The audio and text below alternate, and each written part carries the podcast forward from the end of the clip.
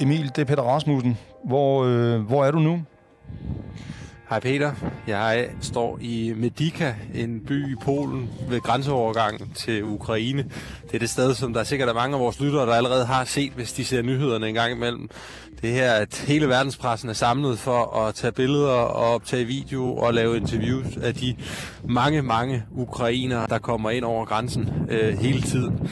Siden at det her det startede for en lille uges tid siden, der er der jo snak om, at mere end 100.000 ukrainer er trådt ind i Polen. Øhm, Lad os lige øh, fange øh, tråden fra sidst, øh, den sidste podcast, vi lavede, hvor vi forlod hinanden på en resteplads øh, 500 km fra den polsk-ukrainske grænse. Hvad, hvad, er der, hvad er der sket siden da? Der er sket meget. altså, øh, jeg har for det første sluppet de ukrainere og danskere, som var klar til at gå i krig for Ukraine mod russerne. Men jeg har også siddet på en 5-6 timer lang køretur med danske Mads Longi fra han kommer fra Hillerød, men har boet i Vejle, og øh, snakket med ham, og øh, det blev lige pludselig meget, meget personligt og følelsesladet, også for mig selv, Peter, fordi at jeg sad med ham på bagsædet og øh, så en ung mand på 25 år, som øh, overhovedet ikke havde lyst til at fuldføre det, han havde kastet sig i krig med. Han havde ikke lyst til at gå planken ud. Han var redselslagen. Han følte ikke, at han vidste, hvad det var, han rodede sig ud i, og vi sad derom på bagsædet med øh, tusind spørgsmål om, hvad det var, der ventede ham. Hvor, hvor, hvor, skulle de, hvor skulle de kastes hen? Hvilken slags opgave skulle de ud på? Skulle de i ildkamp? Øhm, vil, vil, hans, vil hans lig blive båret tilbage til hans far, hvis han faldt i krigen? Mads var i virkeligheden slet ikke klar til den opgave, sagde han direkte til mig. Øhm, han har ikke nogen militær erfaring. Han, øh, han havde en idé om, at han, han ville gøre noget godt, og han ville hjælpe og klar til at gå ned i kamp, og blev fristet af, at han skulle med på den tur. Så lige pludselig sad jeg med Mads herom og oplevede en, en ung mand, som, som i den grad var i tvivl. Jeg synes, at vi, vi er nødt til lige at holde fast i den historie. Jeg skal lige sige, at det her det er podcasten Ring Hjem Emil med reporter Emil Jørgensen, der er ved den polsk-ukrainske grænse. Mit navn er Peter Rasmussen. Jeg er chefredaktør på Avisen Danmark. Men øh, Emil, altså, du må have gjort dig nogle overvejelser også for, for dit eget vedkommende, da du sagde farvel til, øh, til Mads der? Jeg håbede til det sidste, at Mads han ville ombestemme sig og blive i min bil og køre med tilbage til Danmark, når vi engang er færdige med det her. Men det er jo ikke min beslutning, og det er slet ikke min rolle at overhovedet begynde at rådgive masse omkring den slags, og det forsøgte jeg jo også at lade være med. Det er jo i virkeligheden rent journalistisk en ret svær balancegang, jeg befandt mig på, og måske har jeg ovenkøbet været lidt ud over gråzonen, fordi jeg sad jo der med Mads og fungerede på en måde som psykolog. Han læsede alle, alle mulige tanker ud over mig, alle mulige øh, sorte kapitler fra hans fortid fik jeg at vide, og, og fik et helt andet billede af, hvad det var, der drev ham mod den her krig, end det han selv fortalt, hver gang han åbnede munden over for TV2-journalisterne, der var også var med på den tur, vi var på. Mm. Fordi det var jo også det, der gjorde det her endnu mere kompliceret og surrealistisk på en eller anden måde. Det var jo, at hele vores tur, den måde medieverdenen fungerer på i dag, den var jo nærmest transmitteret live gennem os, der snakkede gennem Radio 4, som jeg også snakker til, og gennem TV2, som lavede flere liveindslag med med Mads. Og hver gang det skete, så fik han stukket mikrofonen op i hovedet, og så blev han stillet de samme to-tre spørgsmål, som journalisterne jo egentlig ikke forventer, han svarer på med ret meget mere end sætninger, der er 5-10 sekunder lange. Og så bliver det jo til sådan noget, jeg skal ned og slås for demokratiet, jeg skal ned og gøre noget godt, jeg skal ned og øh, hjælpe ukrainerne. Men når man sidder der 5-6 timer sammen på bagsædet af en bil, så er det jo nogle andre snakke, man har, og så er det nogle andre tanker, man dykker ned i, og det handler jo i virkeligheden om alle mulige andre ting for Mads. Det handler jo meget mere om ham selv, end det handler om ukrainerne. Han fortalte mig om nogle af de ting, som han har dummet sig med i sit liv. Altså han har rådet for meget has, og han har lavet noget, han har lavet noget økonomisk kriminalitet, han har siddet i fængsel, han har en kæreste, der er gået fra ham, han har nogle forældre, der er skuffet over ham, og han har nogle venner, som han føler har vendt ham ryggen, og i virkeligheden var min fornemmelse, når jeg sad og snakkede med ham, var det jo rigtig meget det, det handlede om. Mm. Så det, det foregik nærmest på den måde, at hver gang vi kom ind i bilen sammen, så sad vi derinde, og så så, så jeg den her unge mand, som Jamen, altså, han ligner en dreng lige så meget, som han ligner en... Mere end han ligner en soldat, der sad og fortalte om, at nærmest ikke følte, at han kunne tænke en tanke lige nu, at han var snot forvirret, at han var træt, han havde på det her tidspunkt ikke sovet i døgn, og han var sulten, og han følte sig slet ikke beredt til at træffe den her beslutning. Og når vi så holdt ind på restepladserne, så var der jo øh, en anden dansker med på turen også, ham vi kalder Christian, og han var et helt andet sted, rent mentalt. Han, han var utålmodig, han var klar til at skulle gå i krig. Det handlede for ham om at få en skudsikker vest så hurtigt som muligt, og et våben og noget træning, sådan så de kunne komme i gang, fordi vi sad og livestreamede nærmest de her billeder af russiske tanks, der nærmer sig Kiev, og hvor det for Christian handlede om, nu, nu må vi jo se at komme derhen så hurtigt som muligt, så vi kan hjælpe. Handlede det for masse mere om, det sagde han faktisk direkte til mig, at han håbede på, at russerne de nåede Kiev, før at han skulle sendes til Kiev. Øhm, men når vi så holdt ind på de her tankstationer, så, så, så var der jo lige pludselig nogle andre ting, der trak i ham, fordi så, så fik han nogle af de samme spørgsmål igen omkring, om han var klar til at skulle ud og kæmpe, og han fik blev påvirket af Christian også, der sagde, at øh, de skulle ind så hurtigt som muligt. Og, så ja, nu rambler jeg derude af, Peter, men jeg tror, du forstår pointen i, at det har været et, et dybt personligt og et, et dybt tankevækkende indblik for mig i, øh, i, i Masses liv, og i virkeligheden også intimiderende på en eller anden måde, jeg får alle de her ting at vide. Ja. Men jeg kan også tage den her fra, fordi altså, det er en historie, som øh, vores læsere, både digitalt og, og på print, er meget optaget af, og selvfølgelig også over på øh, øh, Vejleegnen, hvor, hvor Mads kommer fra, er det, er det i øjeblikkets øh, allerstørste historie. Den er faktisk så stor, at der bliver skrevet historier om historien, øh, fordi den bliver kommenteret så meget. Og de, de folk, der kommenterer, deler sig faktisk i to næsten lige store grupper, hvor den ene er på masses hold, altså tag hjem, du ved ikke, hvad der venter dig, er rådet, og de andre siger bare, der var flere som dig, Mads, der vil ud og kæmpe øh, for den ukrainske frihed. Så det er altså det er et, et, et emne, der, der virkelig optager folk. Men nu sagde du selv, øh, at du var inde i en gråzone ved det, du har siddet der og ikke rådgivet, men være sådan en slags, øh, ja, hvad, sjælesørger? Nej, i hvert fald har hørt meget på, øh, på Masses personlige historie, også den del af det, vi ikke lige kan skrive i avisen nødvendigvis.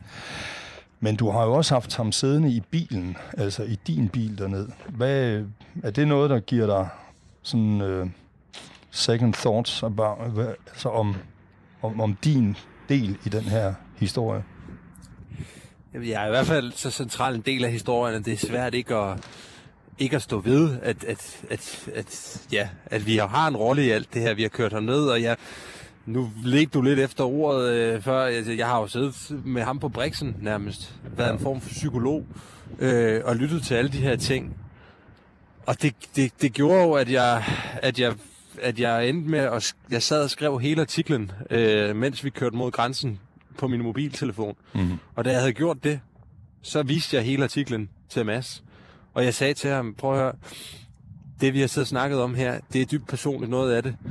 Øh, så jeg vil gerne have, at du læser alt det her, og jeg vil gerne have, at du er klar over, hvad det er, du ja, både stiller op til og på vej ud i, og fortæller mig, hvad du synes om det. Og det skal ikke være, fordi jeg skal sidde og øh, rose mig selv eller noget, men, men Mads, han, han fik en klump i halsen. Han sagde til mig, at han fik en klump i halsen. Mm. Han sagde, at det var præcis sådan, som jeg havde skrevet, at han havde det.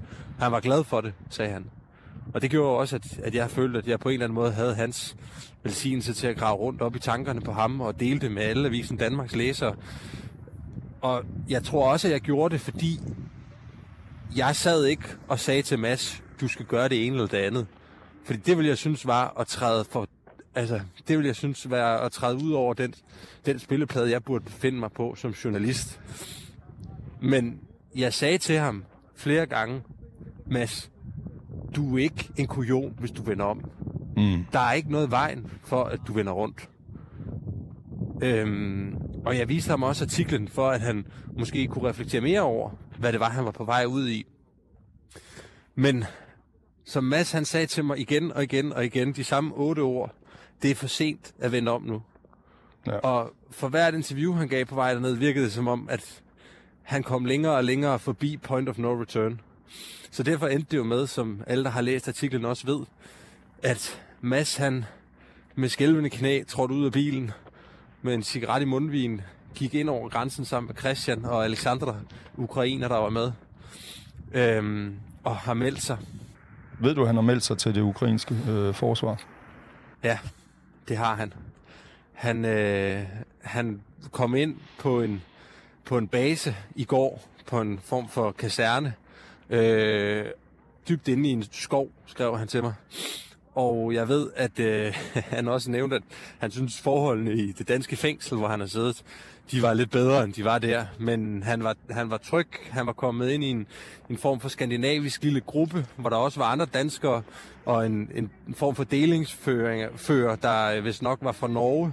Okay. Og han har, det sidste jeg har fået at vide fra ham er, at øh, han har skrevet under på en kontrakt med den ukrainske her.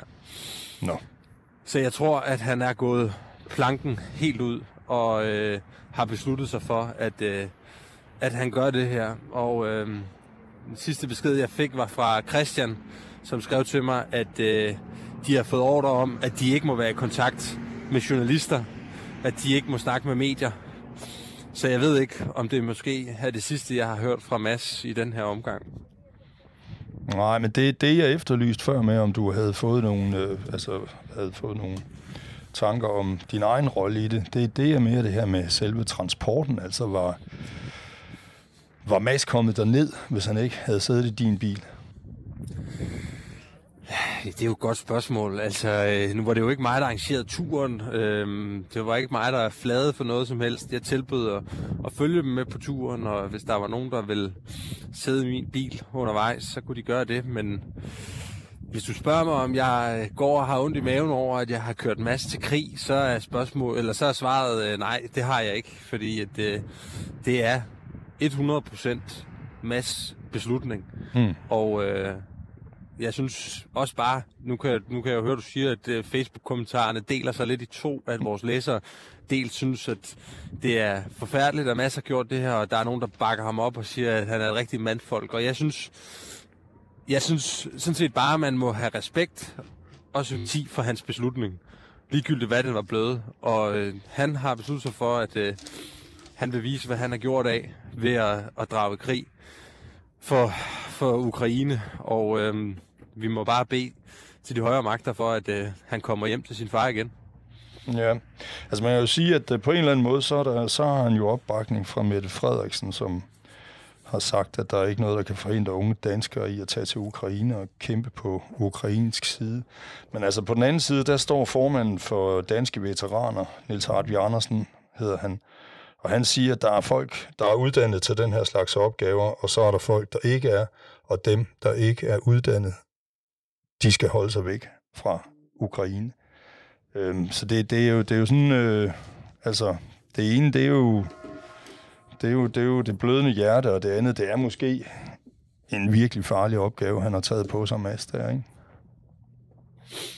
Men det er der jo ikke nogen tvivl om, det er. Men det ved Mads også godt. Mads er ikke dum. Det sagde han også flere gange, at han er jo godt klar over, hvor sindssygt det er, det han kaster sig ud i. Han er godt klar over, at han kommer her uden træning, og han er på vej ud mod kamp mod tjetjenske øh, kampsoldater og øh, russiske missiler. Og, og det var jo også det, som han, det handlede om. Det var i virkeligheden, så, så var det måske ikke klassisk krig med rustning og med våben, som, som han var mest interesseret i. Jeg tror, han så alle mulige andre, forestillede sig alle mulige andre måder, han også kunne hjælpe på. Og det kan jo også godt være, at det er det, det ender med. Altså, det kan jo godt være, at de ikke lige frem sender utrænede øh, fremmede legioner, som, som masser Christian, ud i fronten og forsvarer Kiev som noget af det første. Det vil da set fra et militærstrategisk synspunkt også være dybt ulogisk. Hmm. Så det kan jo godt være, at, at, at Mads og Christian og de andre, de, de ender med at skal måske patruljere i nogle områder, hvor der er mere fredeligt. Og, men ja, igen, samtidig går vi jo her og snakker om 3. verdenskrig. Kan ja. starte lige om lidt. Så det, det er jo fuldstændig umuligt at sige, hvad skæbnen er, men uh, Mads havde nok været mere sikker hjemme i Vejle, end han er lige nu.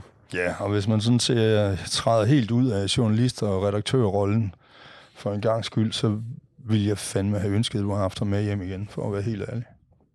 Det vil jeg også. Det sagde jeg også i går. Radio 4 ringede i går aftes. De ringede en times tid efter, jeg havde sat mig af ved grænsen, og der indrømmede jeg også over for dem, at jeg måske lød en lille smule mut. Fordi at jeg var en lille smule mut. Jeg, det, det påvirkede mig, at vi havde sendt de to mænd, som jeg havde lært at kende i løbet af det seneste døgn, øh, hen over grænsen for at gå i krig. Fordi at det er jo lidt noget mærkeligt noget som journalist, at man begynder at have følelsesmæssigt engagement på den måde. Den, den nøgne journalist er jo det, vi er uddannet til at være, som helst ikke skal have nogen holdning til de ting, vi dækker. Men når man har siddet, som jeg gjorde, i så mange timer med et andet menneske, og hørt ham åbne op for hans inderste tanker, og i oven købet også sidder med en følelse af, at han ikke helt er sikker på den beslutning, han er i gang med at træffe, så, så er det jo klart, så påvirker det en. Så ja, jeg vil også ønske, at vi havde haft Mads med i bilen på vej tilbage, men vi må have respekt for den beslutning, han har truffet. Men Emil, du øh, er stadigvæk i grænseområdet. Hvad, øh, hvad er dine planer fra nu af? Det er jo det, vi i virkeligheden skal snakke om, Peter, fordi der er noget øh, praktisk logistik, som vi skal have styr på. Jeg er lige nu ved grænsen i Medica i Polen, som er den grænseovergang, hvor at folk kan gå henover. Og det vil sige, at der er simpelthen nærmest flere journalister og mediefolk, end der er flygtninge, der kommer ind over grænsen. Hele verdenspressen er her fra CNN til indiske journalister, og det er nogle, det er nogle arbejdsforhold, som er, som er, som er rigtig svære, Peter. Øhm, jeg stod og interviewede en, en mor og hendes datter før, i, med min, min, min ukrainske ven, Juri, som stadigvæk er sammen med mig, og øh, de står og græder og fortæller mig deres situation, og så, så står der bare en fotograf fra et andet medie og tager billeder af dem helt op i ansigtet, mens vi står og interviewer.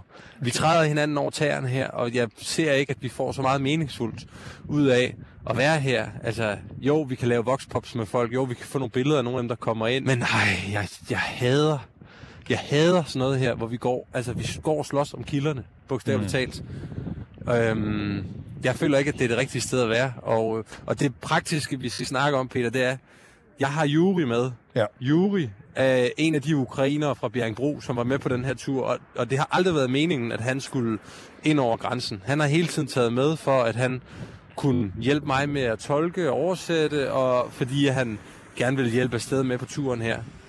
Men virkeligheden er jo ved at indhente os alle sammen. Altså Juris børn, de sidder derhjemme og savner ham. Juris kone, hun har nogle ting, hun er nødt til at gøre på fredag, hvilket betyder, at han, han skal hjem, og, og, og de sidder over og snakker om, at at 3. verdenskrig kan udbryde, at, øh, at, at lige nu måske er et godt tidspunkt at være sammen med sin familie på. Det er de snakke, vi har blandt ukrainerne og har haft blandt dem. Så Juri står i en situation, hvor han formentlig er nødt til at tage hjem, så han er i Danmark fredag. Så vi skal overveje, skal vi fylde bilen op med flygtninge og, øh, og køre hjem? Er det det, vi skal forsøge på? Skal jeg øh, skaffe en flybillet eller et form for ride til Juri, så han, så han kan komme hjem til sin familie? Eller skal jeg blive her? Eller hvad, hvad, hvad er vores gameplan? Altså, skal jeg forsøge at komme ind i Ukraine? Skal jeg prøve at komme med på sådan busser øh, med nødhjælpsmateriale, øh, der kører ind i Ukraine og kører ud igen, eller øh, skal vi, skal vi tænke i andre scenarier? Altså, øh, her hvor vi er lige nu ved grænseovergangen, sammen med resten af verdenspressen, hvor vi står i kødrand af journalister, der føler jeg i hvert fald ikke, at vi, at vi får særlig meget øh, ud af at være her, udover at vi generer nogle stakkels mennesker, som, ja, som er, er på flugt og, og i deres allermest, måske livs mest ydmygende situation. Nej, altså, du skal i hvert fald ikke ind i Ukraine. Det er helt sikkert. Øhm, så er der, det lyder heller ikke som om, at det giver mening, øh, at du er, hvor du er. Og så er der jo så at køre hjem med eller uden flygtninge. Det synes jeg godt nok er et svært spørgsmål. Øhm, er det sådan, man bare kan tage flygtninge øh, med? Altså, ved de, øh, øh hvad, hvad sker der med dem, der kommer over grænsen? Lige nu er min umiddelbare vurdering, at der er mere hjælp, end der er brug for lige nu. Og det er der, fordi at folk de er jo kørt fra hele Europa, inklusiv fra Danmark, for at øh, komme og læse mad og varmt tøj af, og for at tage nogle flygtninge med i bilen og køre dem derhen, hvor de har lyst til at blive kørt hen. Altså, bare det, at øh, folk ved, at jeg er her, har jo gjort, at jeg har fået flere personlige henvendelser fra familier hjemme i Danmark, der siger, at vi har et værelse, eller vi er klar til at tage imod en flygtning, øh, en mor og et barn, eller en familie, hvis det er, at du har hvis du har mulighed for at tage dem med hjem. Men nej, det er jo ikke sådan, at man bare lige kan tage en flygtning øh, og, og køre afsted med dem, men, men man kan jo godt prøve at, at bruge noget tid på at ja, arbejde sig ind i det her miljø og, og høre, om der er nogen, der har brug for hjælp, og høre, om der er nogen, der har brug for et lift til, til Danmark, eller noget på vejen dertil. Øh, det er jo sådan noget, jeg godt kan, kan prøve på sammen med, sammen med Juri, min, min, min fixer og, og ven fra Bjerringbro, som, som gerne snart vil hjem. Mm. Så det er jo en mulighed, men, men der er jo også der er jo alle mulige andre muligheder også, Peter. Det er jo også interessant, mens vi er her i området, at lave historien om, hvordan ser polakkerne på alt det her? Altså, er de next in line? Er det dem, som, er det dem, som Putin han, han har tænkt sig at, at invadere næste gang? Fordi jeg kan godt love dig for, at det er også noget, der endnu mere påvirker os herhjemme, selvfølgelig påvirker folk i Polen. Mm. Og det kan også være, at det handler om at, at, at, at komme, komme hjem og gentænke det her, men vi er, vi, jeg føler i hvert fald, vi er nødt til at snakke om, hvad, hvad næste skridt er, hvad planen er, og om vi skal sende Julia hjem alene, eller vi skal køre med ham. Jamen altså, det er, jo, det er jo fristende at køre med, fordi du er jo noget alene, også øh, sprogligt, hvis du ikke har ham til at oversætte for dig. Det synes jeg er en svær beslutning. Det, det, det, det er jo rigtigt. Det, det, det ville jo være fremragende at få en øh, reportage fra Polen, men Juri taler han ikke også polsk? Jo, Juri taler også polsk, og jeg kan jo alliere mig med nogle af dem, jeg har været i Polen med tidligere, i forhold til, til den type historie. Ja. Øhm, fordi det er jo en anden mulighed. Det er at vende blikket derhen. Øhm, men lige nu, der, der har vi bare brug for at, at få noget, noget fokus på et eller andet, og ikke... Øhm, Ja, fordi jeg har jo også gået og lidt tænkt over, om, om Mads han kunne være på vej ud af Ukraine igen, eller han har skrevet under på sin kontrakt, om det var ham, man skulle med hjem. Det kommer så ikke til at ske nu, tror jeg. Øhm, og ja, lige nu står vi bare øh, flere journalister end, end, end flygtninge her. Det lyder, det lyder som et sted, du skal se at komme væk fra. Om det så er ind i Polen øh, for at lave reportager derfra, eller om det er hele vejen hjem, det synes jeg, vi skal synes jeg, vi skal finde ud af hurtigst muligt. Emil, det, øh, det, det, det, det, det, det må vi simpelthen øh, det må vi vende tilbage til. Øh, jeg synes, det er meget vanskeligt spørgsmål. Det er det jo også, men øh, vi er lidt nødt til at, at forholde os til det på, på både mine og Jules vegne. Altså, jeg har det fint nok med at blive her, fordi det er jo lige nu er vi jo tættere på historien her end, øh, end vi er hjemme i, i Odense. Men, men øhm, Jamen, kan, vi ikke, øh, kan vi ikke aftale, at du, ja. at, at du øh, finder nogle øh, øh, polakker og snakker med dem om, hvordan de ser, hvordan historien ser ud fra deres vinkel, og så tager vi beslutningen efter det. Altså, altså det, man kunne jo godt drømme om, at du havde tre flygtninge med hjem øh, på bagsædet af, af Citroën. Det ville jo give nogle fantastiske historier også, men men altså, hvis, hvis der er den hjælp, der er brug for, så skal vi jo ikke øh, øh, fremtvinge sådan en situation. Så er, det jo, så er det jo mere spændende at høre, hvad, hvad polakkerne har at sige. Ikke? Jo. Så det, jeg hørte sige, det er, at øh, vi, øh, vi prøver lige at, at, at gå og rumle lidt på den her vinkel med, med, med, med den polske, det polske perspektiv på det, der sker lige nu. Mm. Og, øh, og ellers så må vi afvente det næste døgns tid, om der lige pludselig bliver et råb om hjælp, og om det kunne danne grundlag både for at gøre en, en, god, en god gerning og, og have en historie med hjem og fragte en familie mod Danmark eller på vejen dertil. Ja. Og allerhelst få Mads med hjem. Han, øh, ja. Emil, vi, øh, vi snører sækken her. Det her, det var podcasten Ring hjem Emil med reporter Emil Jørgensen på den ukrainsk-polske grænse. Øhm, men ring hjem igen i morgen, Emil. Mit navn er Peter Rasmussen. Jeg er chefredaktør på Avisen Danmark.